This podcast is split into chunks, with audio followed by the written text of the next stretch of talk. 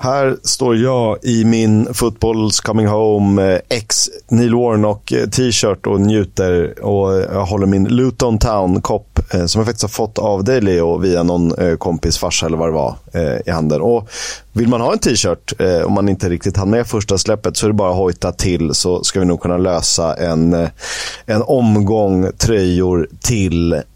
Kanske kommer nytt tryck senare i år. Um, hur är läget Leo? Nej, men det är bra. Uh, jag sitter faktiskt också i en fotbollsrelaterad tröja. Jag, jag har ju försökt sitta i uh, matchtröjor när vi spelar in den här podden. Uh, och jag kommer på att jag har ju så många tröjor. Jag har ju typ över 300 stycken. Um, så det är ett bra användningsområde att lufta dem lite grann när vi, spelar, när vi spelar in en podd. Så till Kevins stora glädje sitter jag faktiskt i en, ska vi se om du tar det här Kisk, en tysk tröja varav klubbmärket innefattar en nithammare. En nithammare? Är det något... Ja, typ att jämföra med West Hams hammare. Eh, oj, då, då, ska vi väl ner. Är det någon... Eh... Pratar vi Bundesliga eller är det något sätt? Ja, ja jo, vi, vi, pratar, vi pratar Bundesliga. Absolut. Ja, men då borde man ju veta vad det är. Det tror jag att det gör. Antar jag. Eh...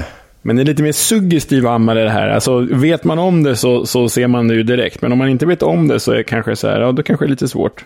En jävla Karl Marx stadt här. Eh, jag tänkte Hammare och skäran. Um... Nej, det ringer fan inga klockor. Nej, alltså det är, en ledtråd är att det är en riktig, riktig gruvarbetarklubb det här. Men den, eh, den man tänker på är ju, är ju um Dortmund, men de har ju inga hammare att, uh, att skryta med. Mm. Nej, men nu är du jävligt nära kan jag meddela dig. Ja, vad, skulle det vara Schalke menar du, eller? Schalke! Där sitter den. Jag har aldrig tänkt på att de har en hammare. Mm, det är en hammare. Det är en sån man är nere i gruvan och slår upp kol med. Ah, nu är jag med. Så själva S04 står i hammaren? Exakt så. Jaha. Ja, ja. Det var i alla fall långsökt, så att jag är lite, lite skonad från, från skämskudden. Ja, absolut. Glöm inte att följa, prenumerera och betygsätta podden på alla plattformar som ni använder. Eh, det gör ju att vi växer och förhoppningsvis kan förbättra oss, även om vi är nästintill perfekta. Eh, så kan man alltid hojta i, i sociala medier, EFL-podden, vad man vill höra mer av. Någon skrev häromveckan, mer League One. Eh, och vi håller med, det är klart vi vill. Men Championship är ju eh, tidskrävande och fantastisk på alla sätt och vis. Så vi hinner inte alltid. Men lite mer League One ska vi fixa den här veckan, hade jag tänkt. En liten roundup i alla fall. Fan vad mäktigt det vore om vi kunde ha en separat podd för The Championship och en separat för League One. Med spons på bägge och sådär. Det vore... Då, då skulle vi leva livet Kisk. Ja, det skulle man bara kunna göra. Öppna en studio och så eh, en liten minipub eh, där man får eh, eh, dricka lättöl och, och lyssna på League One och prata om. Mm.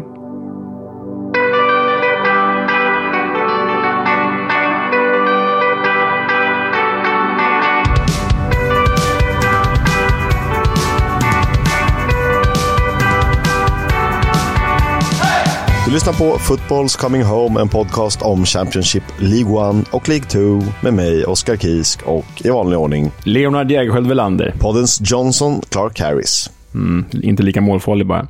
Men lika många efternamn. Mm, så är det.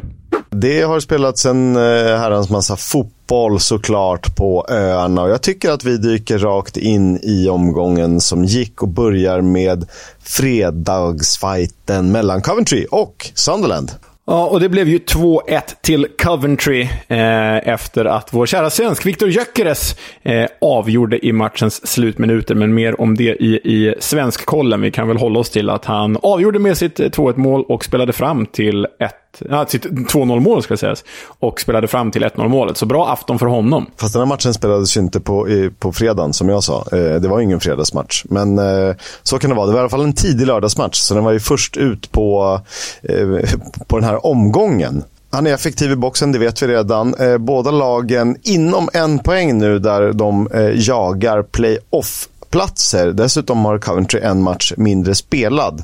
precis som eh, West Bromwich där. Så det, det, kan hända ganska mycket när hängmatcherna, eh, fastän vad man hatar de här hängmatcherna. Ibland som när eh, typ eh, elitserietabellen har haltat så här, tre, fyra, fem matcher och man, det är helt omöjligt att räkna på någonting. Då skulle jag säga så att när vi, när vi pratar om det här just nu så, så eh, kommer ju Coventrys hängmatch att vara spelad när vi, vi när podden släpps, när vi har, och vi kommer återkomma till den senare avsnittet, och då möter jag alltså Preston eh, ikväll, tisdag. Och så eh, kommer vi ta ner den lite senare här i avsnittet. Mm, det blir roligt att se och blotta vår okunskap. Eh, faktum är att eh, Sunderland på 11 försök inte lyckats vinna mot Coventry, en svit som då sträcker sig till 1985. Eh, eh, ska sägas att eh, Sunderland hade ju dock siffrorna. De träffade ju ribban och dominerade bollinnehavet. Och Ahmad Diallos reducering 94 minuten, det är ju en, för att citera engelsmän, en jäkla worldie. Men det är ju så skevt att göra ett sånt supermål när man ligger under med 0-2 och det 94 minuten. För liksom, Jaha, det var en onödig worldy, för den kommer jag aldrig kunna fira. Eh, nej, det är, det är, lite slöseri på, på talang. Ja, det hade varit liksom mäktigare att avgöra med den. Då hade, man, då hade den jublat tills, tills alla hade gått hem i princip. Men ja, så kan det vara. Eh, mittbacken Luke McNally som ju Burnley har lånat ut till just Coventry har ju åtminstone enligt eh, poängen, betygen, varit bäst i serien sedan han tog plats i Coventrys mittlås. Och jag tänkte på det, eh, de har ändå råd att låna ut seriens då, enligt Who Scored, bästa mittback när de typ har de övrigt bästa. Jag fattar inte riktigt deras mittbacksläge för att det är ju fullt med bra spelare. Nej, det är bara, det är bara bra spelare. Visserligen två inlånade, Ray Bayer och Taylor Harwood Bellis. Har, vad heter han? Taylor Har Harwood Bellis. Tack, Harwood Bellis, det var rätt. Uh, ja, nej, men det är en speciell situation för Burnley. Uh, också intressant för Coventry, tänker jag, att uh, det känns ju som att det här är typ tredje svängningen på säsongen för dem. För de har varit så här nedflyttningshotade och så har de jagat playoff och så har de varit nedflyttningshotade igen och nu är de nära playoff igen. Det, ja, det svänger om de, eh, den gamla goda svenskklubben. Det som ju också, det känns som att så här, det går bra. Sen kommer det någon ny smäll med någon arena eller Mike Ashley-koppling som gör att eh, det blir en käftsmäll för formen. Mm, så är det. Får vi hoppas att, att de slipper. Eh, vi ska återgå till bottenstriden, den som Coventry lämnade för ett tag sedan. Eh, det är faktiskt så att Birmingham, eh, beroende lite på hur det går, är indragna i den, eh, vare sig de vill eller inte. Och Eh, särskilt i och med helgens resultat. De förlorade hemma mot Luton 0-1. Mm, Carlton Morris, eh, styva bröstvårtor och vassa armbågar, gjorde mål när jag petade bort honom ur mitt gaffer och tog in eh, Elijah Adebayo istället. Så det var ju typiskt eh, för mig. Men Morris 13 mål för säsongen och det är ju en jäkla härlig styv brunkartyp det här alltså. Eh, och Luton var ju Alltså Luton var ju, nej men jag ska inte säga överlägset, men klart bättre än The Blues. För Birmingham hade alltså noll skott på mål. Luton hade i alla fall fem. Så var eh, Sen hade ju de en, Birmingham har en jättechans, du vet när det bara blir sån här pannkaka framför mål. Eh, och Luton lyckas på något sätt få bort bollen. Dessutom har de en Scott Hogan-nick i ribban eh, som ska föras till protokollet. Ingen mål den gången och över 90 minuter var det väl ändå rättvist att Luton fick eh, segra här. Mm. Men mest fokus och mest stora snackisen för den här matchen var ju Mark Roberts helt sinnessjuka eh, ja, men tackling på Carlton Morris. Alltså om Carlton Morris inte hoppar undan där, då är det ju en benpipa som ryker. Eh, istället byttes han ju av med någon slags axelskada, för han landade ju på trynet typ. Men den, den, det är alltså att Mark Roberts inte får tio matchers avstängning för den tacklingen. Det, det, går, ja, det förvånar mig. Ja, det, det är liksom otroligt eh, vårdslöst och eh, den där typen av tacklingar vill man ju inte se. Den är inte, det är inte ens liksom charmigt England, lerigt 90-tal eh, hårt, utan det är bara genuint fult. Ja, ondska. Fotbollsondska. Ja, eh, rättvis i alla fall i resultatraden. Det var det väl ändå när eh, Bristol City tog emot Hull. Jag spikade den här ettan på kupongen. Eh, det visade sig ganska klokt att göra, för det var ingen jättefavorit. Men jag kände ändå att Bristol City har något på gång. Det har de ju. Ja, det blev ju 1-0. Eh, nio raka utan förluster för The Robins och jag tror att de räknar cupmatcherna är väl typ 11 raka utan förluster. Eh, och de har ju cementerat sig i mittenträsket. En riktigt, riktigt, riktigt eh, bra avslutning skulle väl kunna innebära en playoff-push, men, men vi får väl se vad det innebär. Det, det roliga är i alla fall att eh, för er som följer våra sociala medier så har ni sett att Oskar Oscar Kisk har lagt ut att Nigel Pearson dansade ut mot spelartunneln efter den där segern, så han är nöjd. Det var en, en fantastiskt härlig dans. Det var lite så här Mick McCarthy-esk dans. ja, lite med självförtroende bara. Mark Sykes fortsätter att dominera. Han äger sin högerkant och Anis Mehmeti har ju kommit in som... Eh, det hade man inte kunnat tro att han bara kom, är helt given. Han är ju deras eh, Weimann 2.0 fast eh, ännu mer svårfångad. Kanske inte lika poängstark som när Weimann eh, pikade. Ja, men jag såg en härlig compilation på honom bara på de första matcherna här i Bristol. Och det är en riktig dribbelgubbe. Alltså tunnlar och snurrar och gör bort spelare hit och dit. Så nej, riktigt härlig värvning från The Chairboys Wickham. Eh, blev ju straff i den här matchen också. Det var ju Nucky Wells som avgjorde med matchens enda mål på, från straffpunkten. Och då har de alltså gått typ ja, men vad var det? 450 miljarder miljoner dagar. Nej, men 450 dagar var det väl utan straff. Och sen får de straff i två matcher i rad. Så det är speciellt. Ja, det är väldigt eh, speciellt. Men det brukar ju vara sådär. Nu kan de väl inte sluta få straff. Och nu det, kommer det vara 468 matcher i rad de får det. Eh, Hall har inte jättemycket att skryta med, förutom en eh, ramträff. Då. Det är väl Benjamin Tette som, som träffar stolpen. Eh, får ändå ses som en rättvis seger när Bristol City besegrade Hall med 1-0. Eh, rättvist är väl en underdrift när vi eh, landar i matchen mellan Burnley och Huddersfield. Mm, kan, man, kan man ju säga. Rättvist hade det varit om Burnley hade gått ifrån den här matchen med en 7-0-seger kanske. Nu blev det ju 4-0, eh, vilket är tillräckligt utspritt på fyra olika målskyttar också. Ashley Barnes, Connor Roberts, Josh Brownhill de tre första halvlek, Michael Obafemi i andra halvlek. Alltså att bara ha resursen att slänga in Michael Obafemi, det är, ja, nej, det är otroligt. Hatten av Burnley. Ja, det är svårt för honom att inte funka det här laget. Hjalmar Ekdal startade sin sjätte raka i ligan. Vi pratar om honom i Svenskkollen, men pratar vi Burnley då, vilken maskin! Och som lag är de ju bättre än Fulham förra säsongen. Det ju, måste vi ju slå fast Tänk nu. på vad du säger. Passa dig. Tänk på vem du pratar med. Men ja, du har rätt. ja, exakt. Nu har de ju 12 matcher på sig att eh, braka samman, men det finns ju liksom ingenting eh, som tyder på att de skulle göra det. Nej, men de går ju för eh, Reddings poängrekord på 106 pinnar. Eh, fortsätter de med det här snittet så att de landar på 102. Men, eh, men varför skulle de inte kunna eh, eh, mäkta med det rekordet? Det är, ju, det är ju lite härligare om Burnley har rekordet än Reading, kan jag tycka. Jag, det är inte så att jag tror att de landar på 102, eller att du tror det, utan jag vet det för eftersom jag har räknat och jag är matematiker. Nej, det är jag absolut inte. Eh, 2,23 poäng per match snittar de, vilket kan jämföras med eh, Fulhams 1,96.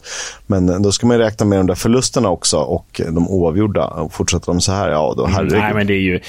För att citera Neil Warnock, Huddersfields tränare, eh, efter den här matchen så sa han “Burnley is the best team I've seen in 25 years in the Championship. That team could easily play in the Premier League right now.” Och så är det väl. Det är en ganska, det är en ganska adekvat spaning från den gode Nock. Eh, så är det, men det är, det är klart att det är en nivåskillnad. Det kommer märkas att det är ett hack upp. Och så är det en sån som Gudmundsson som gör dubbla assist och blir man of the match här. Ehm, de har ju visat sig i Burnley, om än i, annan, i ett annat format. Ehm, och då hade de det lite tuffare eftersom de åkte ur. Men det är klart att eh, det ser ju väldigt speciellt ut. Och det är sättet de gör målen på. Eh, 2-0 målet är ju en stilstudie i hur man spelar fotboll. Eh, för de hinner ju spela sig fram till straffområdet, vänder igen, hittar Hjalmar Ekdal som en, liksom en perfekt eh, Gretzky-assist. Eh, föranleder att Conor Roberts kan sätta 2-0. Ja, nej, men det, är, det är ju ruskigt skönspel det här. Och Burnley är inne i sånt stim att det spelar liksom inte roll vem som spelar, för alla levererar. Allt från vikarierande Charlie Taylor som mittback till oavsett om det är Nathan Tell, eller Anna Saruri eller Gudmundsson eller vem det nu är som spelar liksom på det offensiva mittfältet. Så, eller Jay Rodriguez eller Ashley Barnes. Jag menar, alla, bara, alla bara levererar. Och det, det är ju Visst, man kan säga att de har kastat pengar på den här truppen. Och det stämmer ju. Det är väl typ bara Watford som har lagt ut mer pengar den här säsongen. Men man ska komma ihåg att de sålde ju av åtta av sina elva startspelare från föregående år, varav alla de hade ju flera års Premier League-erfarenhet. Så det här är ju inte lätt gjort, även om de har kastat pengar på spelarmaterialet. Nej, eh, det visar ju också, eh, verkligen att Vincent Kompani kan bygga ett lag eh, och, och funka som den manager som, som krävs. Vi pratar Norwich mot Cardiff eh, och de kläddes som, som brassar. De såg ut som brassar. Och plot twist, de är ju faktiskt också brassar. både Gabriel Sara och Marquinhos. ja, eh, för det var ju matchens två målskyttar när eh, Norwich vann det här fågelderbyt, The Canaries mot The Bluebirds. Eh, inom loppet av fyra minuter i den första halvleken hade alltså Gabriel Sara och Marquinhos med hjälp av kubanen är han va? Onel Hernandez eh, löst de tre poängen till Norwich. Ja, det är han väl. Jag tänkte säga att han är från eh, Costa Rica, men det är han inte. Han är från eh, Kuba.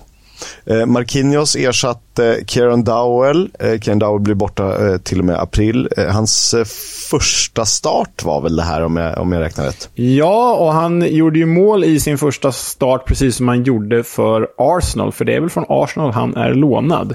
Eh, precis. Så det är ju en jäkla speciell talang det här då. På tal om Cardiff så ser det desto mörkare ut. De har ju bara fyra poäng ner till botten trion. Och då ska man ju också betänka att Callum Robinson är skadad och borta till april. Eh, han ersattes här av Connor Wickham som ju var hjälplös på Carrow Road. Men eh, det blir tufft för det är typ Callum Robinson som varit eh, delaktig när Cardiff har gjort något vettigt den här eh, våren. Ja, nej, alltså det ser ju väldigt tufft ut. Eh, nu liksom har ju spelet kommit igång under Lamucci, även om det här var en övermäktig motståndare.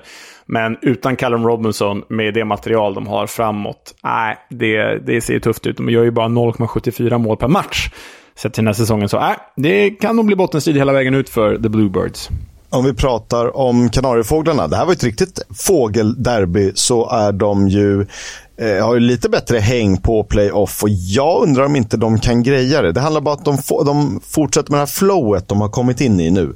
Eh, för att då känns de rätt svårstoppade, särskilt på hemmaplan. Ja, nej, men verkligen. Och Gabriel Sara och Marcelinho Nunez när de är på spelhumör är väl kanske liksom, åtminstone det, det mest attraktiva centralmittfältet att titta på i ligan den här säsongen. Sen ska de ju vara poänggivande också. Men, eh, men visst, jag är med dig. Norwich kan absolut ta en plats. Eh, det kan de göra. Eh, ett lag som förmodligen inte kommer ta en plats men som absolut har möjligheten om alla stjärnor står rätt är Preston North End. Eh, de mötte Wigan, den eh, jumbon och ingenting annat är de ju faktiskt. Efter den här matchen i alla fall och för den här matchen. De förlorade, Preston North End vann med 2-1. Mm, och du ska säga att Wigan faktiskt tog ledningen och i paus så ledde ju gästande Wigan med 1-0 och eh, buropen dånade högt på Deepdale mot Preston. Men så kom de ut i andra halvlek. Genom Daniel Johnson och Thomas Cannon så vände de på den här matchen till en 2-1-seger alltså. Det gjorde de. Eh, gör inte bort sig här överhuvudtaget, Wigan. Och eh, jag tycker man ska vara imponerad över Sean Malonis bygge. Eller bygge är inte mycket, men den inställningen han har spridit i alla fall. Eh, de hade ju Chad Evans borta, de har Troy Parrott helt ur målform. Eh, då är det tur att de har Everton-lånet Tom Cannon, för det, han blev ju... Jag tänkte säga att han blev matchvinnare här. Han gjorde i alla fall matchens, eller deras... Eh, nej, men nu har... Han blev matchvinnare? Ja, exakt. Exakt. Eh, det var ju hans första seniormål någonsin. Mm, precis, och det är ju kul att det är lite talanger som får frodas på Deepdale i alla fall. Min personliga favorit, Robbie Brady, hoppade in i 80 minuten, blev utvisad i 95 minuten. Jag visste inte att han hade det i sig, men ful kan han tydligen vara också. Det här var ju PNIs första seger på Deepdale sedan början av november. Eh, bara en sån sak är viktigt att poängtera såklart. Eh, PNI ständigt konstiga det här är så att, lag, säg att vi skulle fortsätta med den här podden i tio år. De kommer fortfarande vara lag 14 i Championship. Det kommer inte hända ett skit med Preston North End. Nej, nej, nej, nej. Max 11 som sämst 21. Ja, knappt det. Som sämst 20. De är liksom ja. inte redo för en bottenstrid, eller en toppstrid heller. nej, det är Jag vet inte hur folk... QPR är, är ju... Ja, men jag vill faktiskt säga det. De är indragna i bottenstriden, särskilt givet hur dålig formen är. Och trots att de hade anställt Gareth Ainsworth inför den här matchen mot Blackburn så blev det ju förlust hemma på Loftus Road. Mm, för Rangers förlorade ju med 1-3 mot Rovers. Och eh, Gareth Ainsworth hade ju bara haft laget i två träningar inför den här tillställningen, så det kanske är lite svårt att vända på det skeppet. Men det var en extra speciell match för Ainsworth då, när han var tränare i Wickham, så sa han att det finns två klubb, klubbar han skulle lämna The Chairboys för. Och den ena är ju då QPR, och den andra är just Blackburn, som han tydligen är en supporter av sedan yngre dagar. Så speciellt möte för honom, men eh, det sket ju Blackburn i och framförallt Sam Gallagher när han gjorde två av tre för gästerna. Ja, mål 5 och 6 för säsongen för honom. Känns som han har gjort fler, men han är ju lite Ben Burton Diaz kopia, eh, dock ganska nyttig att ha på topp. Det det här resultatet innebar att eh, QPR vunnit en av 19 matcher och det håller ju inte. Vi får se om eh, deras lag håller ens för att hålla sig kvar. Mm, ja, det, vore ju, det vore ju en enorm eh, skräll och den största floppen, helt klart, får man ju säga. Vi hade ju ändå dem som någon slags playoff-kandidat, med rätta, tycker jag. Ehm, dessutom ska det sägas att eh, Ilias Cheir klev ju av skadad i den här matchen också. Vi får se eh, vad, hur, eh, liksom, hur eh, allvarlig den skadan är. Blackburn, nio raka utan förlust och bara en förlust på de tolv senaste. Det kanske blir playoff ändå för laget med sämst XG i hela tabellen. Kanske sämst XG. laget med kanske sämst? ja, de är ju eh, urusla Jag fattar inte hur de lyckas. Reading, Blackpool slutade 3-1. Eh, stackars Blackpool eh, kvar där nere i bottenträsket medan Reading eh, tog sin 44 poäng för säsongen i och med den här trean. Eh, och det skulle man kunna klara sig kvar på. Ja, man sett det ju tidigare år, absolut. Och nu är det ändå 13 poäng med 12 matcher kvar. Visst, till och med jag säkrar Reading här. Och det var lite speciell seger för Reading, för det var de gamla Blackpool-profilerna som sänkte den gamla klubben. Inte för att eh, Andy Carroll spelade i Blackburn, men Tom Ince och pappa Paul Ince har varit i Blackpool. Och Tom Ince gjorde ju två av Readings tre. Och jag tyckte det var ganska kul att på första målet Tom Ince gör så firar han ju inte alls. Han visar respekt för sin gamla klubb. Men på andra målet han gör firar han som satan. Gör man så? Eh, det är här kanske någon grej vi har missat eh, helt. Att eh, man firar inte första men andra, då spelar det ingen roll. Nej, alltså, jag, jag, jag, har bara, jag har i alla fall uppfattat det som att då firar man inte på något av målen. Men han, han kände väl att liksom, nu har jag visat tillräckligt med respekt. Fuck him, jag vet inte. Eh, det han gjorde i alla fall, det vi vet, det är mål nummer 8 och 9 för säsongen. Och eh, det hade vi nog inte trott inför. Nästan så här årets överraskning, givet ålder, givet att han eh, spelar ett ganska begränsat lag som vi trodde var nedflyttningskandidat snarare än mittengäng. Mm, verkligen. Han är ju ändå 31 år gammal nu. Han är ju inte en talang längre. kan, man ju, kan man ju säga. Um, Desto tyngre ser det ut för Blackpool då. De har bara två segrar på de 19 senaste. Det är i och för sig bättre än QPR, men eh, det är ingen positiv Mick McCarthy-effekt här. Det är det ju inte. Nej, och eh, då var jag rätt på det, att han är fel ute. Vi får väl se vad som händer. Det är ju ruskigt spännande där nere. Skulle gärna vilja ha ner det till typ ett Birmingham och Cardiff för att få det lite ännu mer spännande. Sheffield United mötte Watford i en eh, direkt toppfight. Eh, och eh, den där blir nog rätt viktig, eh, den där trean. För den kan ju innebära att det faktiskt blir Sheffield United som tar eh, den andra direktplatsen upp till Premier League. Ja, men de fick ju stopp på en aspirant, playoff-aspirant här och så fick de vinna igen. Det var det första på tre tror jag för Blades. Och samtidigt som vi kommer till så förlorade ju Middlesbrough. Så det var en oerhört viktig seger för United här. Och det var ett riktigt gris-Blades-mål. Självmål av Ryan Porteous. De bara riktigt såhär, bollen ska in! Men det var ju rättvist för Blades var ju klart bättre i den här matchen. Ja, det var de 18-9 i avslut. Eh, Hornets pressade på i slutet för en kvittering, men det räckte inte riktigt. Det här eh, innebär att eh, Blades har sju poäng ner till Millsborough efter deras match. Watford har ju bara vunnit fyra matcher sedan omstarten efter VM. Mm, det är ju inte tillräckligt bra om man vill gå upp i Premier League. Ahmed Hodzic och Ken Sema från start i respektive lag.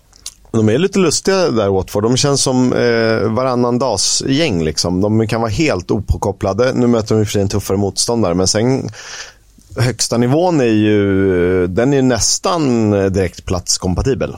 Ja, ja, absolut. Men de träffar den ju väldigt sällan. Det är, det är ju ja, det är ett ojämnt lagbygge och jag är ganska beroende av Chao Pedro också.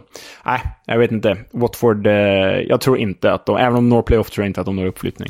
Eh, det kan väl vara så. Det finns ett lag som är bättre. Stoke Millwall 0-1. Mm. Sian Fleming gör mål igen och återigen en glädjande, glädjande comeback för Gary Rowett till Stoke. Gary Rowett tränade i Stoke för ett par år sedan, fick väl sparken 2019 tror jag. Ehm, och han har ju alltså mött Stoke nio gånger sedan de sparkade honom och på de nio matcherna har han bara förlorat en enda. Så Gary Rowett skrattar nog hela vägen till poängbanken efter varje möte med Stoke, känns det som. Ja, det är, ju, det är inte dig det är fel på, det är Stoke så att säga. Exakt så. Uh, för nu har han ju Millwall på en uh, trolig playoffplats till och med. Det var ju en välförtjänt seger för Millwall. De har börjat leverera poäng på bortaplan. De håller nollan på bortaplan. Fle Flemings elfte mål för säsongen. Millwall känns ju bra på riktigt. Eh, de är bra, som en eh, god vän sa. De är starka framåt och tråkiga bakåt. Och det är väl precis det man behöver vara om man heter Millwall.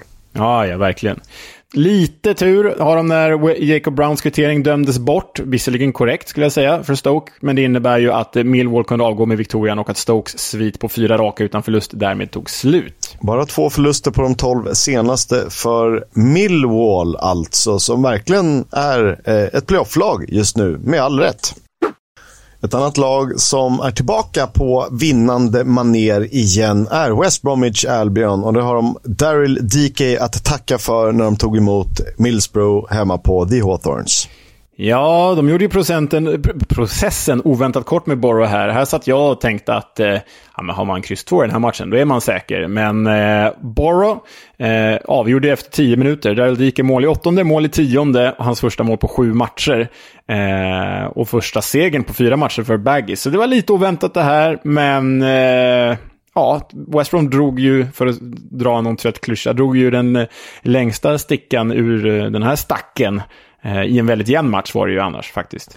Eh, Borrbollen har vi en och det kanske visades eh, för Josh Griffiths som fick stå i mål igen och eh, egna produkten anhöll nollan och hyllades ganska rejält efter den här matchen. Mm, han blev ju ansatt av Middlesbroughs offensiv, som man ju blir under Michael Carrick.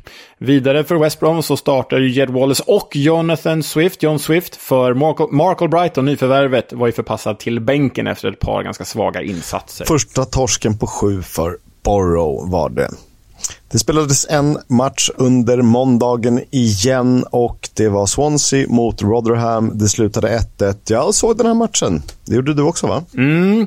Eh, jag blir ju alltid förbannad när det är lov och korpen har liksom speluppehåll. För då, jag vill ju spela korpen. Men här fanns det ju faktiskt en tröst i att man kunde se Swansea Rotherham, vilket jag gjorde istället.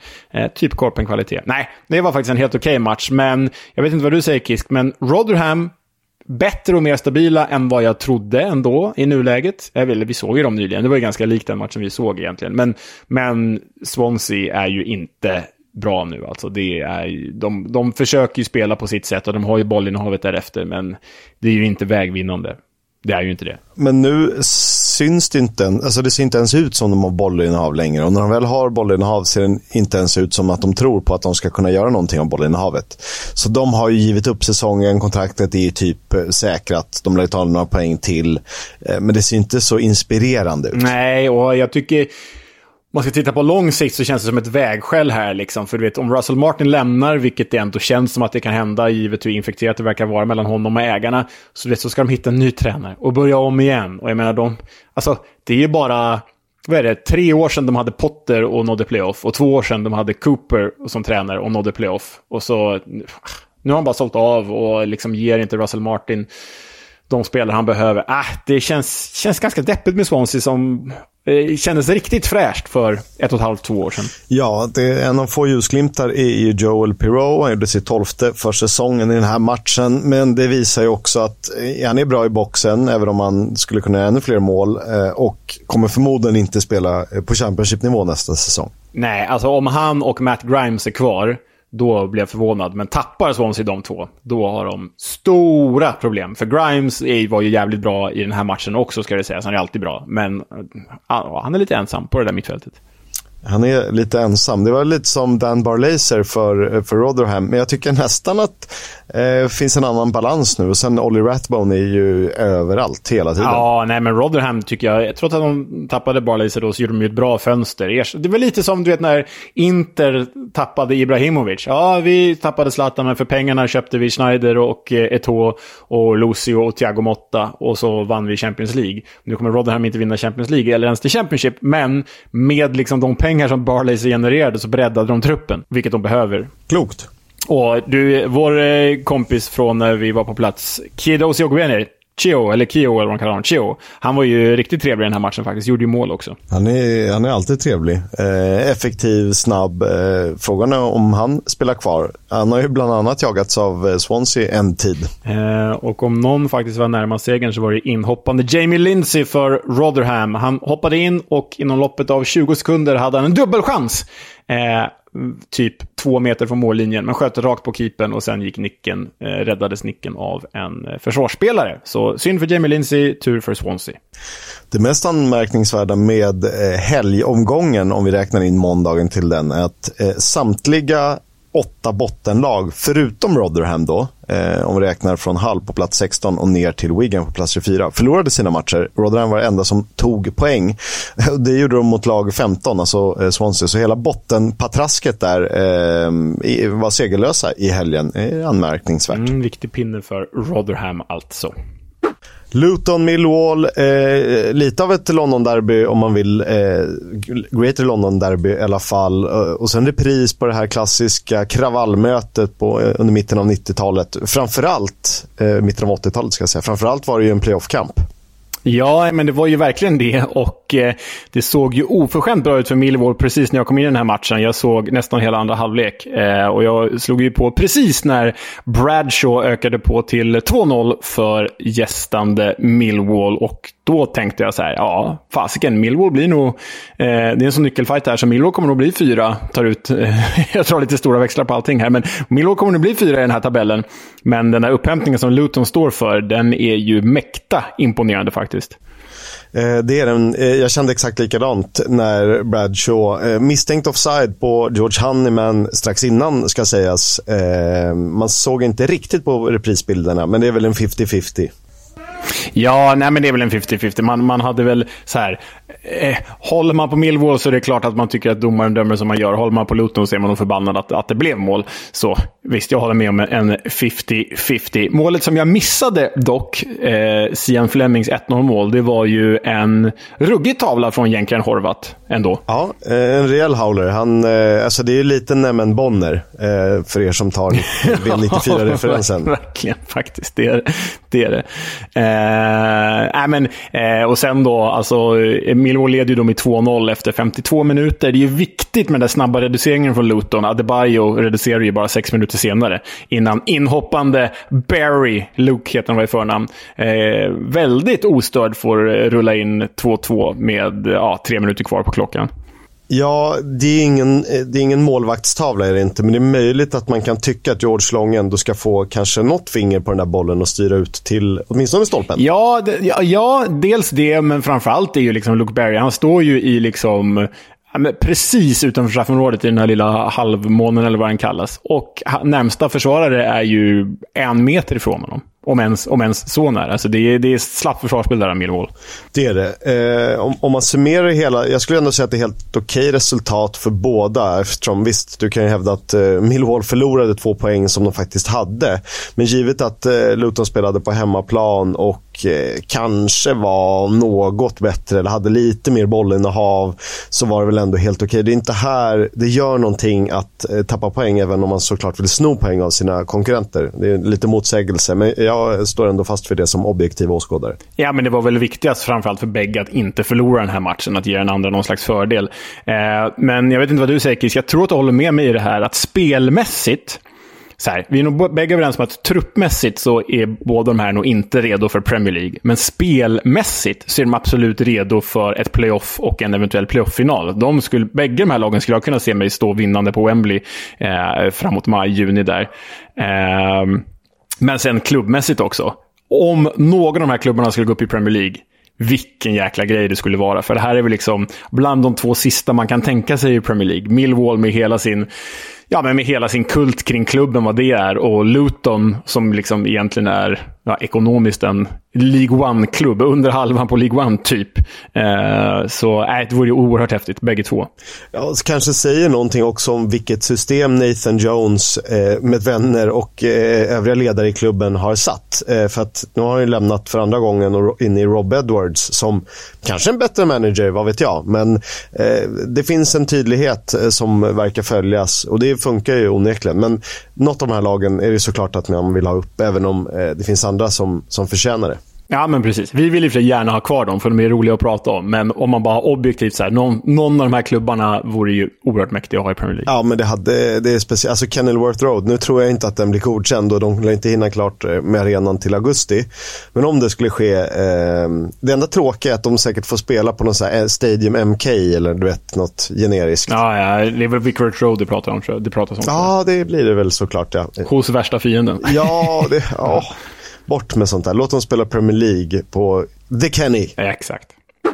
Eh, det var inte spelats en till match under tisdagen. Det var Preston North End mot Coventry. Den var, slutade 0-0 mållös alltså. Och jag kallar det en uppvisning i missade chanser. Det, var, eh, det fanns lägen, men ingen skärpa. Nej, och det är väl synd med svenska mått mätt i och med att vi hoppas på ett Gyökeres mål hela tiden. Eh, men ja, det var ju skärpa som saknades här och PNI, förutom förra gången då, så vinner de ju inte på hemmaplan. Eh, dock fyra matcher i rad utan förlust för Preston North End. Fem raka utan förlust för Coventry som fortsätter med sin playoff-push. Det gör de i allra högsta grad, även om det är ett par poäng upp och några lag emellan. Eh, Coventry har faktiskt aldrig vunnit i ligan på Deepdale på 21 försök. Det tyckte jag var roligt. Ja, du gillar, Eller, den, ja, alltså, du gillar den typen av statistik. ja. ja, om det är något jag gillar så är det det. ja, det börjar bli återkommande. Uh, I Preston North End spelade Evans och Cannon på topp, medan Troy Parrott och uh, vad heter han? Roy Liam Delap. Han heter Liam Delap, agerade inhoppare. Josh Onoma och Woodburn kom också in. Det är ganska bra namn på Prestons bänken. Då. Ja, verkligen. Eh, Maradonoma menar du va? Maradona, ja. Det, jag, så bra tyckte inte att han var i Fulham ändå. Nej, jag såg eh, glimpses of it i, i Spurs, men eh, som färdig produkt är han väl gränslandet League One eh, Championship. Med lite speltid skulle han nog kunna bli rätt hyfsad i, i typ ett PNI som är mitten av Championship, tror jag. Absolut, absolut. Det var de matcherna. Jag tycker vi dyker ner i League One och kollar till hur det ser ut där. För det är ju så att eh, poddens favoritlag, som vi väljer att kalla dem, Sheffield Wednesday, de rycker i toppen efter 1-0 borta mot Charlton.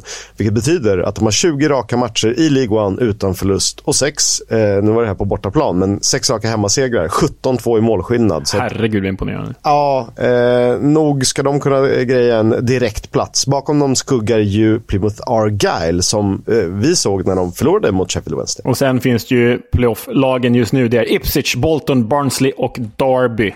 Eh, så det är en jäkla massa härliga gäng där faktiskt, minus Barnsley. Ja, det är väl... Eh, jag skulle kunna byta ut Barnsley mot Wickham.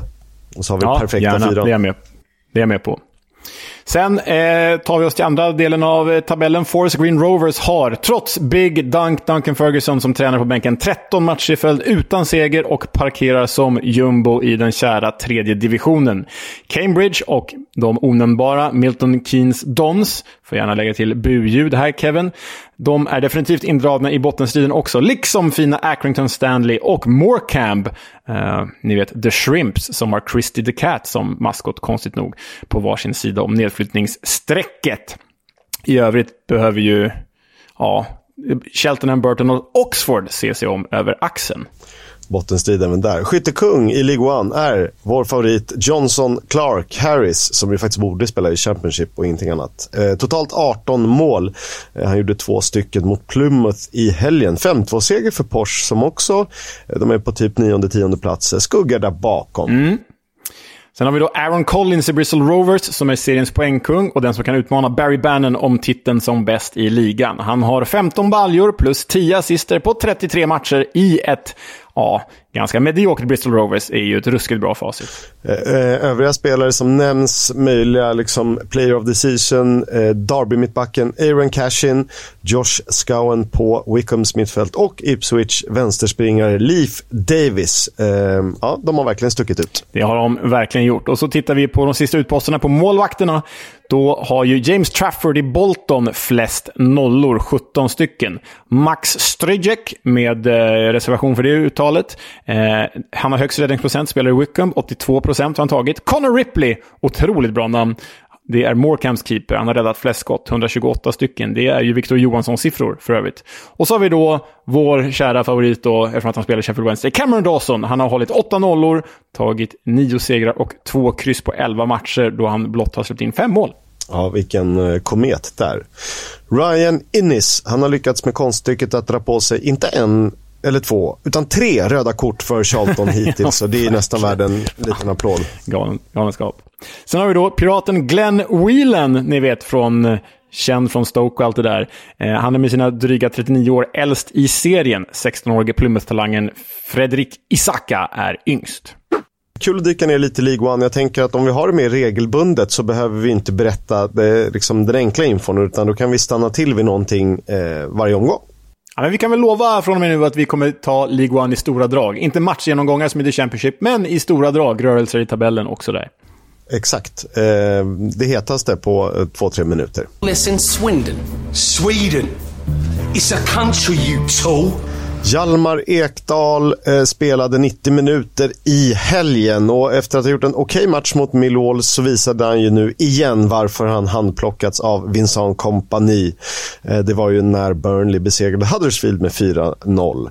Så fortsätter det så här så är han nog med och nosar på säsongens lag. Alltså eh, på riktigt. Han sätter passningar till höger och vänster och Gretzky-framspelningen till 2-0 är av hög, hög klass. Kommentatorerna hyllar honom, supportrarna avgudar honom och vi eh, kan bara bara imponeras av honom. Eh, 7,71 fick han i betyg av Who Scored i helgen. Från försvaret tar vi oss till andra sidan av planen och anfallet. Därmed inne på Viktor Gyökeres. Han spelade ju 90 plus 90 i Coventrys helg och veckomatch. Ett mål, en assist, plus ett gult kort. 8,47 i helgens fight på enligt Who 5,95 i den mållösa matchen mot Preston North End. Stor segerorganisatör var han ju när Coventry tog tre viktiga poäng mot Sunderland i kampen om playoff. Spelade ju fram till 1-0 och gjorde själv matchavgörande 2-0 målet. Men känns det inte som att han, trots en väldigt fin period med mål i tre raka, kan bli ännu mer effektiv Eh, för känslan är ju när man tittar på alla matcher och höjdpunkter med honom, så kräver han ju tre till fem bra chanser för att göra ett mål, skulle jag säga. Eh, 15 mål den här säsongen är ju hiskeligt bra. Han nämns ju som en av seriens ja, men, två bästa anfallare. Eh, och kanske seriens bästa renodlade striker. Men ännu mer effektiv så har han ju typ gjort 25 mål den här säsongen. Ja, det, eh, det, tror jag. Det är jag ganska övertygad om. Han skulle behöva, istället för något mål per match, skulle han behöva göra eh, några mål per match. Det är ganska höga krav i en väldigt tuff serie. Men han eh, löper ju så bra, tar sig till så pass fina lägen så att möjligheten finns där. Instämmer. Ken Sema spelade 78 minuter i helgen. Han fick eh, betyget 5,98 av Who Scored. Han hade en eh, tuffare dag borta mot Sheffield United efter ett gäng starka insatser på sistone. Lägst betygsatt i ett för dagen ganska svagt Watford eh, som vi pratade om som inte nådde upp i nivå. De är ju lite varannan dags gäng det där, men Ken kommer tillbaka, det vet vi. Anel Ahmedhodzic lirade 90 minuter tillbaka i startelvan och noterades för 6,6 i betyg av Who Scored. Han gjorde det han skulle defensivt, men stack inte ut överdrivet mycket framåt som han annars brukar göra. Hade något avslutsförsök. Alltjämt en av ligans absolut bästa försvarare. Och dessutom verkar han ju faktiskt trivas i England. You seem to be really enjoying life at Sheffield United. Why has it worked so well for you this year? Um, I don't know. I'm, I like the culture here. Uh, England, England is perfect for uh, perfect fit for my playstyle. Um, uh, obviously, I, I, planned it before joining uh, Sheffield United. Uh, I spoke with the coach. Um, I, I, made sure that this step was the right one, and uh, of course, I could have taken uh, probably go, gone on to a bigger league than the Championship, but I think this this step was was perfect for me. Ja, spännande att, eh, lyssna på Anel som ju hade eh, bud från, om vi säger högre nivå eller större klubbar kanske. Eh, större klubbar vet jag inte om det behöver vara, men högre nivå i alla fall. Men eh, Sheffield United verkar vara eh, a perfect fit för honom. Victor Johansson eh, spelade såklart 90 minuter i helgen, noterades för tre räddningar, fick betyget 6,59. Eh, seriens bästa målvakt? Frågetecken. Ja, utropstecken. Vi ser det, alla ser det. Det är dags att ta ut honom i landslaget nu. Man tvingas släppa ett Joel Pirou-avslut förbi sig, men stabil i övrigt i en match där han inte testas överdrivet mycket. Men eh, till och med engelsmännen börjar haka på tåget. Eh, Victor till landslaget. Och där är vi ju alla enade. Trotjänaren Harley Dean sägs ha varit drivande i något slags förhör i omklädningsrummet eller någon call-out eh, efter Birminghams förlust mot Luton. Allt och alla hängde löst enligt uppgifter. Vi får väl se vad som är steg två för det här. Jag säger ju att det är på väg att brisera där. Down the drain Birmingham. Ta till League One. Oxford United sparkade Carl Robinson i helgen, deras manager. Favorit till att ersätta honom är Michael Appleton, Michael Appleton som ju fick gå från Blackpool i januari. En superdator har simulerat avslutningen av Championship och enligt den vinner Burnley serien på eh, 98 poäng. Eh, det kanske inte är någon skräll, de tar med sig Sheffield United. Inte heller det någon jätteöverraskning. Middlesbrough, Luton, Millwall och Norwich blir lagen till playoff där West Bromwich Albion slutar sjua. Eh, det är rätt intressant då att eh, Blackburn, det är väl säkert XG i fokus där som, eller XG och XP som ligger till grund för att de inte skulle greja mot slutet här. Rotherham och Cardiff klarar sig. Wigan, Blackpool och Huddersfield, alltså de som är på direkt nedflyttningsplatserna, eh, ryker. Det här är ju typ exakt vad du och jag har sagt de senaste veckorna, så jag vet inte hur mycket superdator krävs för att räkna, för att räkna ut det här, men det är typ där du och jag har landat i alla fall. Vi kan ta två poddidioter också. Verkligen. Newcastle sägs ligga närmast att värva Bristol Citys supertalang Alex Scott till sommaren. Men då kommer de låna ut honom tillbaka till The Robins under kommande säsong. Bra för alla parter, eh, tror jag. Eller ja, man vill ju inte tappa honom, men det är oundvikligt. Eh, när det kommer till Bristol City då. De presenterade sitt hemmaställ till kommande säsong och redan börjat spela i dem. Eh, det handlar ju om att deras föregående tröjpartner, eller distributör eller vad det nu kallas i modevärlden, de har gått i konkurs. Och det var nämligen så att Elite Sports Group hade licensen för Hummel, danska Hummel. Ehm, och de har konkat, vilket tydligen påverkat upp mot 20 engelska klubbar. Där Robins var första och hittills enda som faktiskt har bytt tröjor en under säsong, tror jag. Mm, det ska bli spännande att följa. Det är synd på Hummel som kanske varit ledande i tröjleveransen de senaste åren. Det har varit riktigt snygga tröjor. Men O'Neills har ju faktiskt varit bra här också med, med Bristol City, får man säga, med den nya tröjan. Ja, jag gillar den. Den är lite, den är lite härlig, lite udda.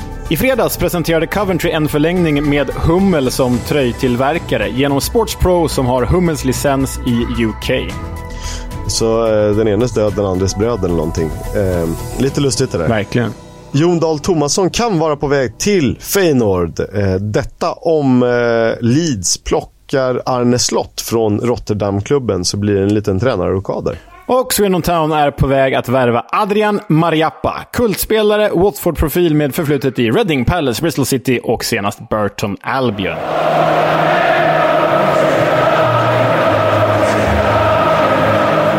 Footballs Coming Home sponsras av Stryktipset, ett spel från Svenska Spel, Sport och Casino.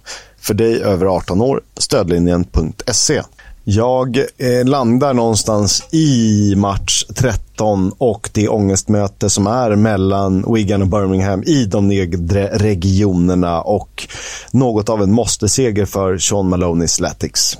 Och det är ju typ hemmamatcher mot eh, exempelvis Birmingham som skiljer agnarna från vetet i trion i botten. Och här måste det bli tre poäng om man ska orka tro på det framåt. Senast var ju ett fall framåt spelmässigt för Wigan medan Birmingham kommer från 0 poäng och 2-8 på de fyra senaste matcherna. Möjligt. Det som är positivt för Blues är ju att de har ett ganska bra mittfält, men räcker det? Och eh, Å andra sidan då, eh, är det Will Keane som ska frälsa Wigan eller är det någon annan som kan kliva fram? Ja, vi får se. Ångest i match 13, kanske alltid kryss, vem vet? Leo, hur ser helgen ut?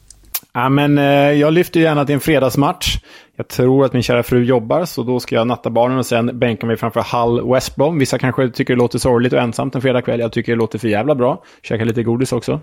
Eh, och sen på lördagen är det två matcher jag har valt ut. Vi har ju Blackburn, Sheffield United. Känns lite som en 0-0 på förhand kanske, nu när Blackburn kan kryssa. Men eh, Ah, känns ändå som att Blackburn kan störa Blades där. Och sen då bottenmötet. Rotherham på väg lite uppåt i tabellen. QPR rakt ner i källaren. Jag tror faktiskt att Rotherham kan trycka ner Hoops ner i skiten. Eh, det är ju lite samma läge som Wigan Birmingham faktiskt. Verkligen så. Ja, vad ska vi prata om idag? Eller vad ska vi sjunga om idag, Leo? Nej, men så här.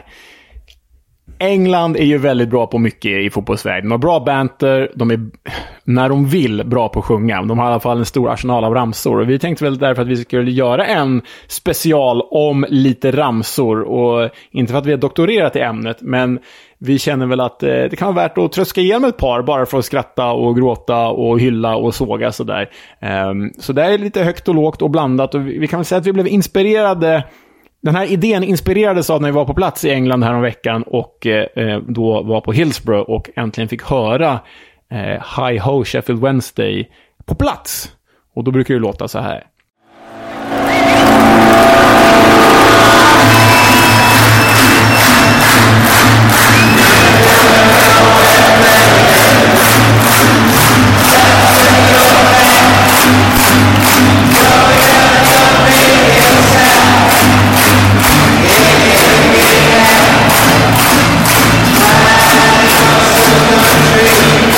Take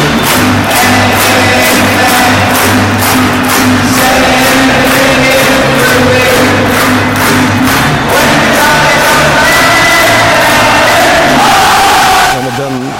Verkligen någonting. Eh, den är speciell, den är trallvänlig. Sen är det roligt att stora delar av arenan sitter ju tyst och sen är det High Ho Sheffield Wednesday. Sen gör man inte så mycket mer på 90 minuter.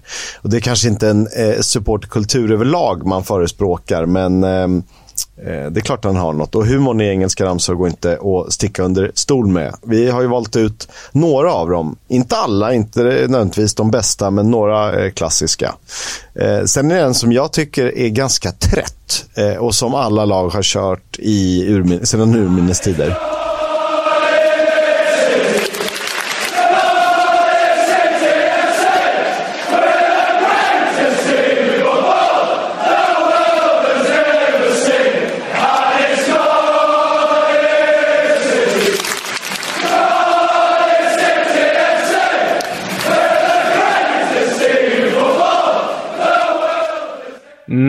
We're by far the greatest team the world has ever seen. Här porträtterat av Cardiff. Eh, det här är en sån liksom, generisk ramsa som du säger som alla klubbar har.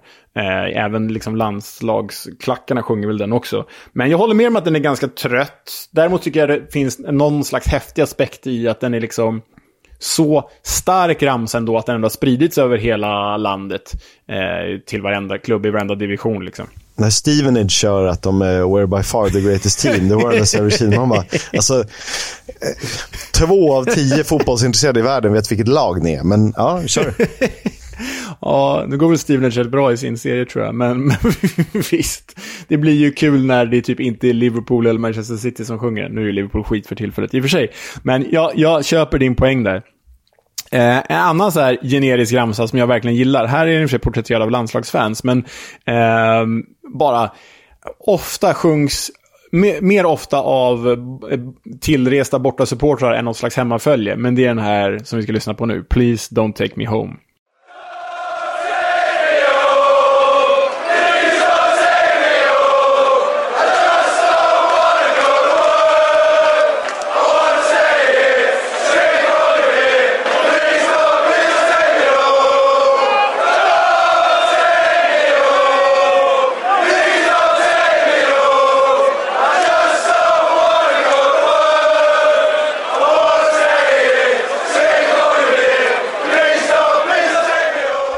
Tycker ändå den ramsan sammanfattar en bra bortaresa, Kisk. Man vill, där och då vill man ju inte hem. Man vill ju bara vara kvar där på perrongen och skråla liksom.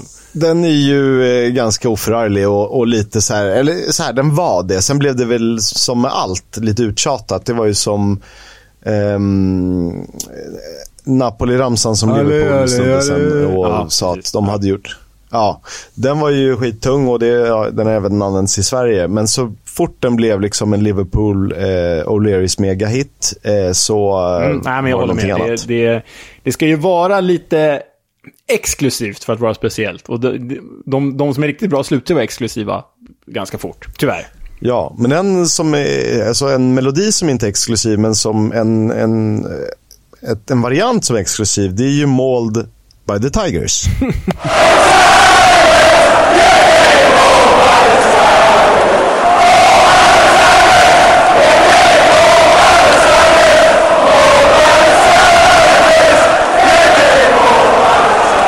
Och eh, har man sett den här så eh, ackompanjeras den av något otroligt cheesy. Att de står och kör några kattklor mot bortasupportrarna.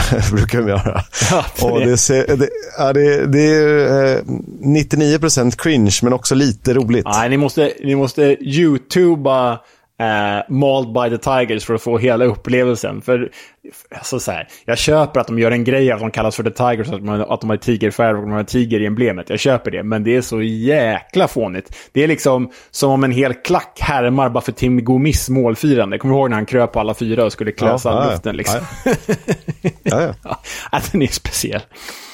Och från ett oran en orange ramsa till en annan. Nu kommer vi in på lite personhyllningar här. Och vi har ju kört den här tidigare i podden, men jag tycker den ska vara med igen, för den är så jäkla härlig. Men eh, Arsenal-lånet Charlie Patino, han spelar i Blackpool och han hyllas ju då med den här riktigt frejdiga ramsan.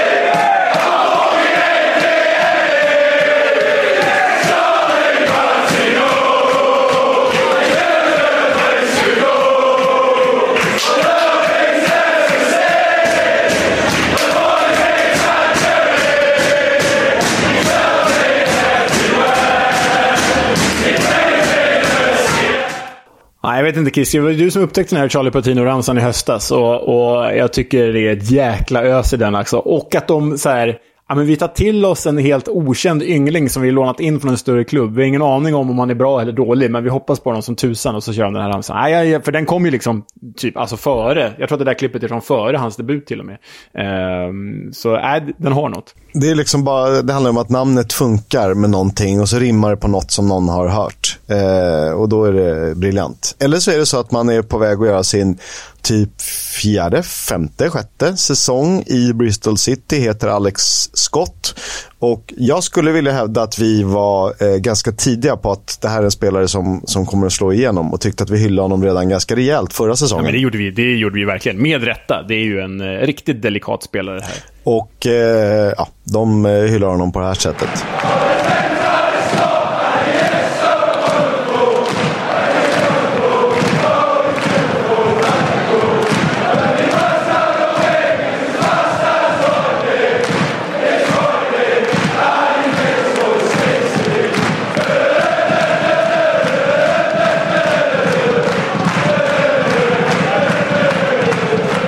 Här tycker jag ju är en av de, eh, eh, på senare tid, en av de som funkar bäst. Och eh, Det har väl att göra med att just i den här stunden så eh, sjunger allihopa och eh, det blir lite trum i trum och, och klapp klapp och sånt där. Ja, och så här, det här är ju engelsmännen bra på också tycker jag, när de tar riktiga låtar. Inte bara hittar på ramsor utan de tar riktiga låtar och gör om dem till ramsor. I det här fallet är det väl Supertramp som de tolkar då. Och jag menar, alla gillar ju Supertramp. Eh, annars, annars hädar man. Så nej, men den är ju, den är ju fantastiskt bra, den här förstås. Eh, vidare om personhyllningar så har vi vår kompis som vi pratade med förra hösten, va? Kanske blir det dags en till intervju med honom. Men Pontus Jansson har ju den här klassikern, ingen kan ha undgått den här, men vi kör den ändå. Från tiden i Leeds. Eh, ah, vi kör den bara.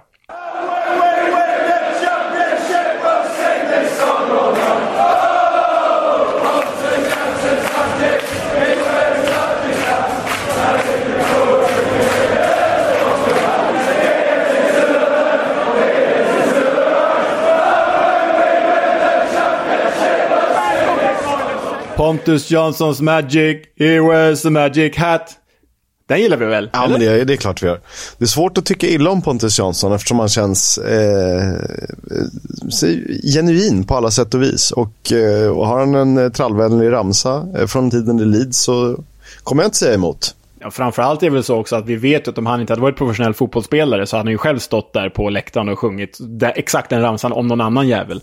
Så, eh, Det, det gjorde han ja. Han åkte ju ner till eh, London för att se eh, Chelsea-Malmö. yes, jag, var, Det jag, tyckte jag var mäktigt. jag gjorde ju den matchen, jag var ju där också. Så, Ja, jag var också där ja, stort. Det här förenas vi. Eh, sen är det ju eh, klassiker får vi ändå kalla den, eh, där all, som alla har. AIK kör väl Kenny Pavey, jag vet att Tottenham körde Aurelio Gomez, eh, brasse-slipsen. Eh, Newcastle körde Oh, Colaccini, you are the love of my life.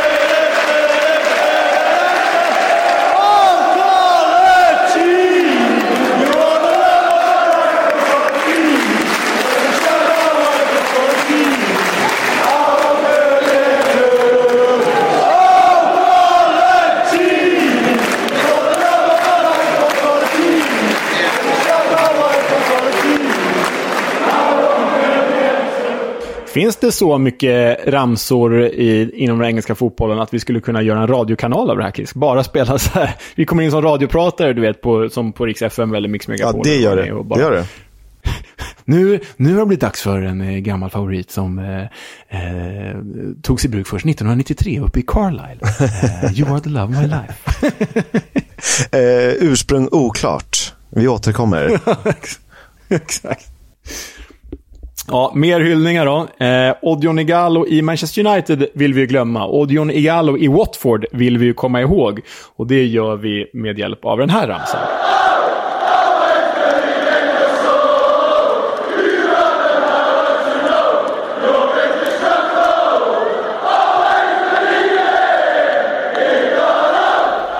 Jag gillar ju att man kör You are gold. Spano Ballet är det väl som har gjort. Ja, fy fan. Den är också trallvänlig. Det är i gallo passar så jävla bra i det. Och det är det, eh, det där tajmingen de har.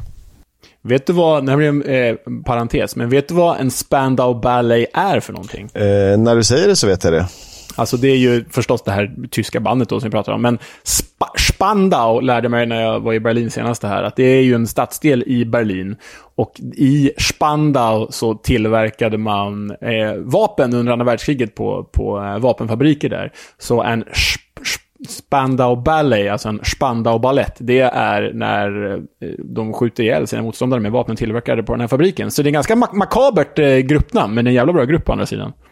Precis som ehm, Iron Maiden. Som ju är eh, något ganska mörkt. Vad är det för något då? Järnjungfrun? Alltså... Exakt, det är ju eh, någon så liknande, jag tänkte säga giljotin är väl fel, men det är ju ett, eh, järnjungfru är ett tortyrredskap. Det är liksom som en Ah.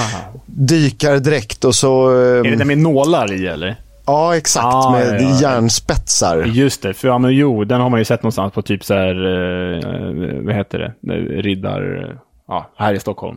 Eh, jo, men sommaren har man ju sett. Usch, okej, då vet jag det. Ja, det är ändå rätt sjukt. Och så är det ett eh, sjukt populärt ehm, metalband. Liksom. Aha, ja. Sen Joy Division är inte heller så ljust eh, namn. Men eh, vi lämnar namnen där. Vi har eh, gott om ramsor att prata om. Och eh, en av de bättre tycker jag i serien just nu eh, är ju faktiskt den till Victor Gyökeres. Den funkar bra när det går bra för honom och för Coventry.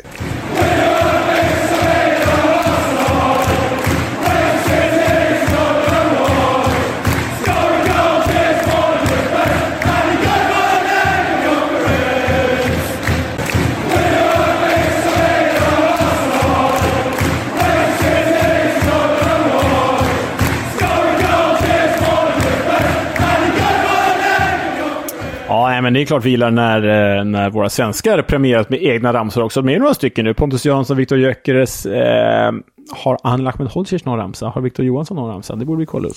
Eh, så vitt jag vet eh, har de inte det. Johansson borde ju ha en hel symfoni för fasen. Verkligen. Det tycker jag också. Vi får väl, Vi kan väl skriva en till, eh, till Viktor. Det tycker jag. Elmar Ekdal känns ju som en som eh, skulle kunna få en ganska snart. Ja, men det här är ju bra, bra inskick. Har ni några egna ramsor som ni vill lansera? Skriv in till oss på våra sociala medier, ni vet EFL-podden, på Facebook, Twitter och Instagram. Eh, ännu roligare om ni skickar in ljudklipp. Det, det vore ju ännu, ännu, ännu roligare förstås. Men där, där förstår jag att det, det är en, det är en eh, slak lina att kliva ut på. Men eh, vågar ni det så premierar vi det förstås. Vidare här då, nu kommer vi in på lite bara klassisk banter. Det här är en ramsa mot Aston Villa som har sitt ursprung i att eh, när Steve Bruce var tränare i Aston Villa så kastade ju eh, Villasupportrarna sallad mot honom när de hade, när de hade tröttnat på honom. Och eh, detta har ju motståndarna snappat upp, så eh, det här är ju... De driver ju med Aston Villas historiska arv här, från Europacupvinnare till salladskastare.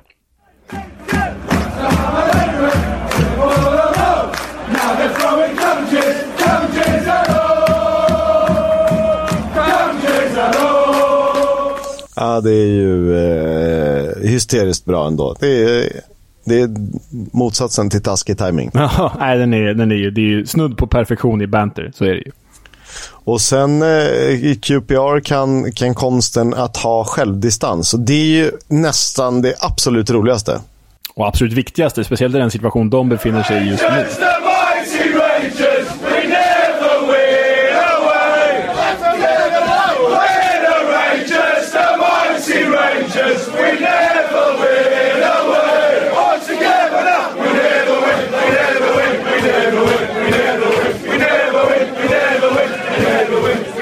Ja, den, är, den är ruggigt bra, det är den. Ja, det är ju nu är det flera som kör den, men jag tycker det var passande att ta en QPR-version bara så här. Äh, vi ger upp nu, så här dåliga är vi.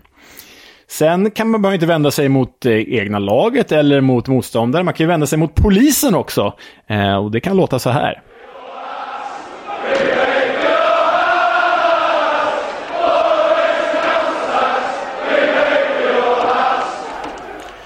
Klart ordningsmakten eh, ska ha en liten känga. Det här är väl FC United of Manchester och deras bibliotek för att vara när det här eh, spelades in, vad var de då? Sjunde eller åttonde divisionsklubb är ju eh, sanslöst bra. Men United har också haft bra stöd på, på de genuina delarna.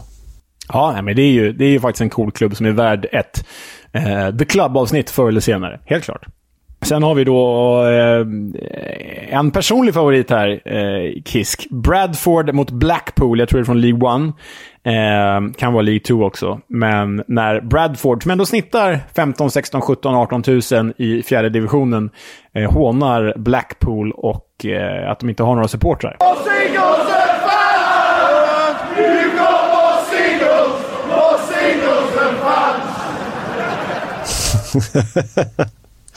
Ja, eh, det är bra. Eh, sen är det bra också om man har svårt att, eh, att göra mål, vilket vissa klubbar har ibland. Typ Cardiff i Championship, Tottenham en gång i tiden. Då kan man ju sjunga så här.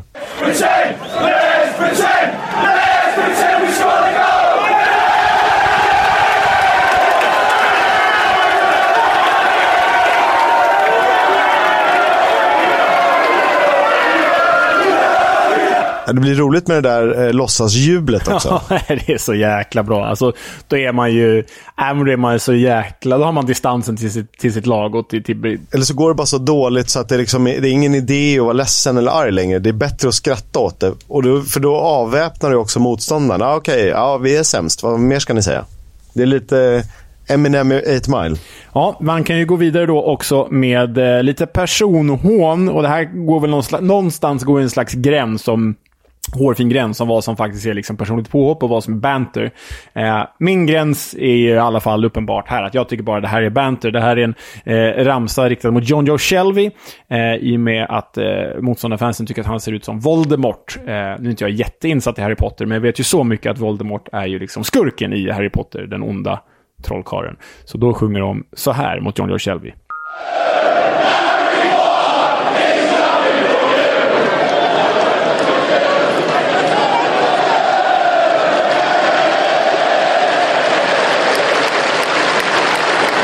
Det är väl, eh, det är väl gränsfall. Eh, kanske eh, man får stå ut med ibland, fast ändå inte. Det, det man måste stå ut med det är att om man dojar till en katt, då ska man ju ha Då skit. ska man verkligen ha skit. Och så i fall...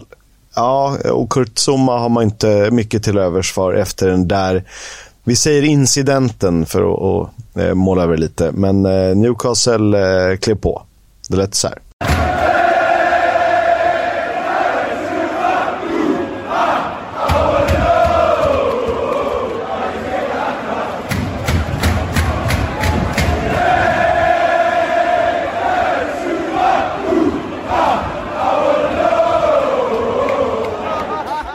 Skit ska Zuma ha. Man ska absolut inte ge sig på jag brukar säga det, ge sig på djur eller barn, det är fan det värsta man kan göra. Så skit ska han ha, den jäveln. Mer sådana ramsor. West Ham eh, i det här fallet eh, gissningsvis mot ett lag från landet. Eh, det, är min, det är det min förutfattade mening säger. De eh, sjunger eh, så här för att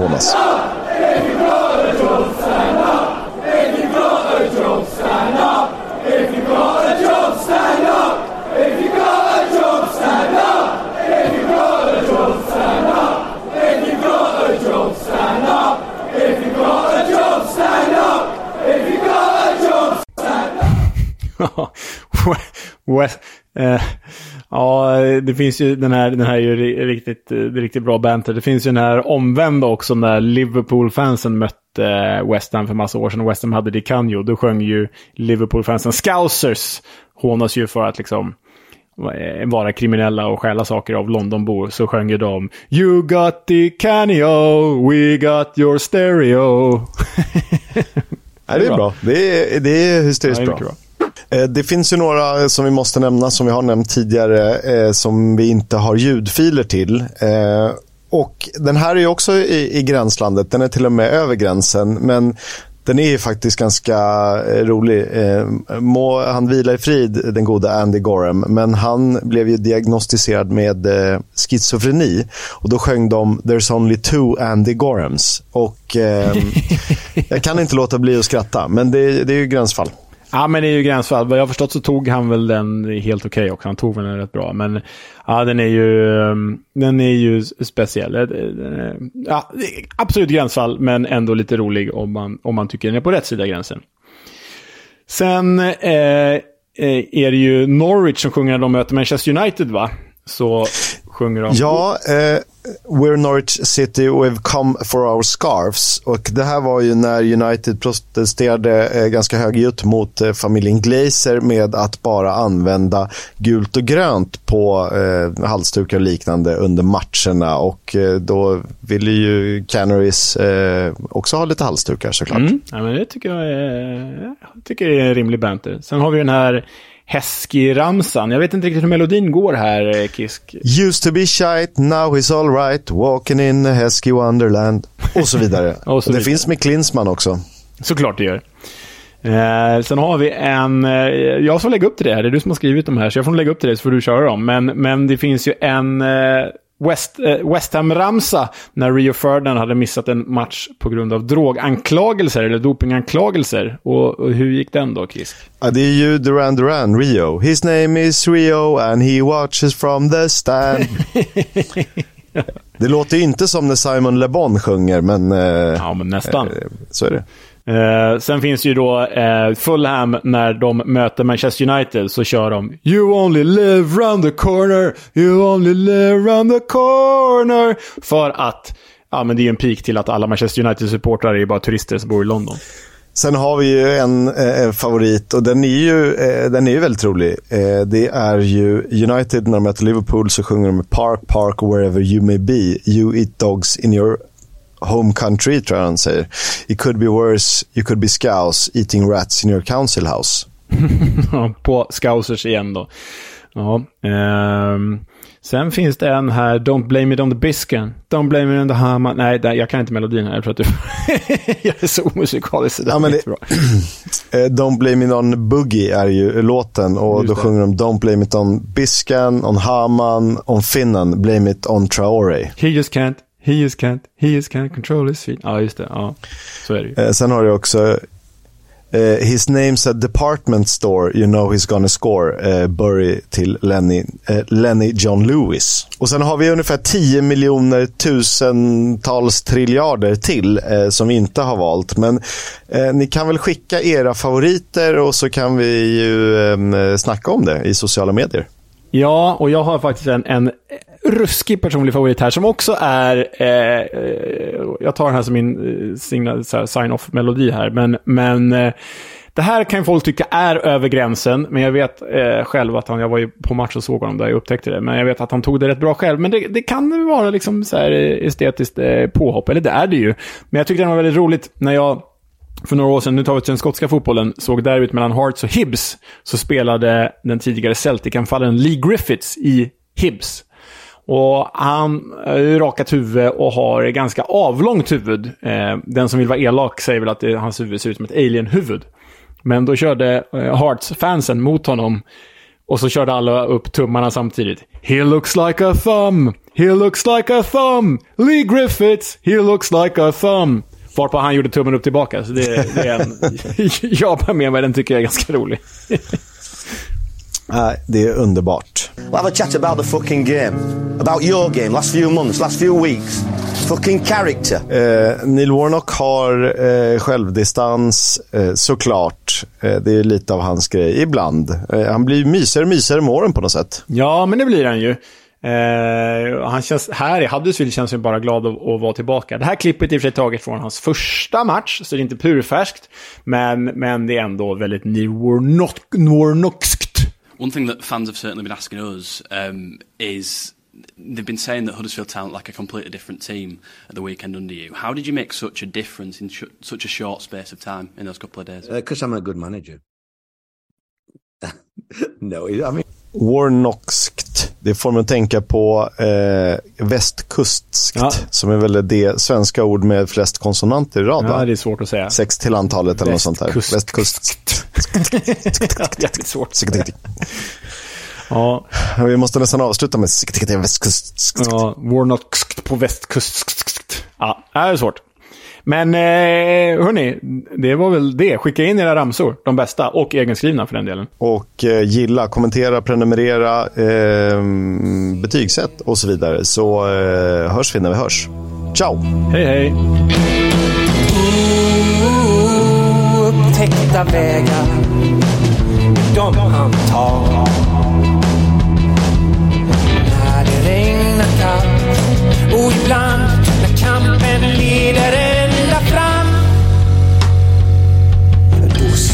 Ses vi på lördag